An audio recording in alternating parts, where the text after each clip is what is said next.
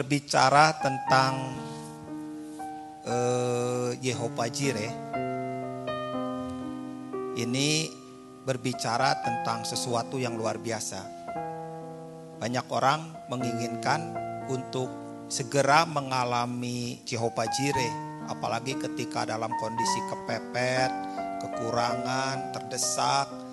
Tetapi saya harus tahu kebenaran tentang Jehovah Jireh itu gak akan muncul ketika kita kepepet, ketika kita ketika kita mengalami keterdesakan seperti itu tuh justru tidak akan pernah muncul. Kenapa? Karena memang ada tahap-tahapnya untuk bisa terjadi Jehovah Jireh itu muncul dalam hidup kita. Jehovah Jireh ini artinya Tuhan menyediakan.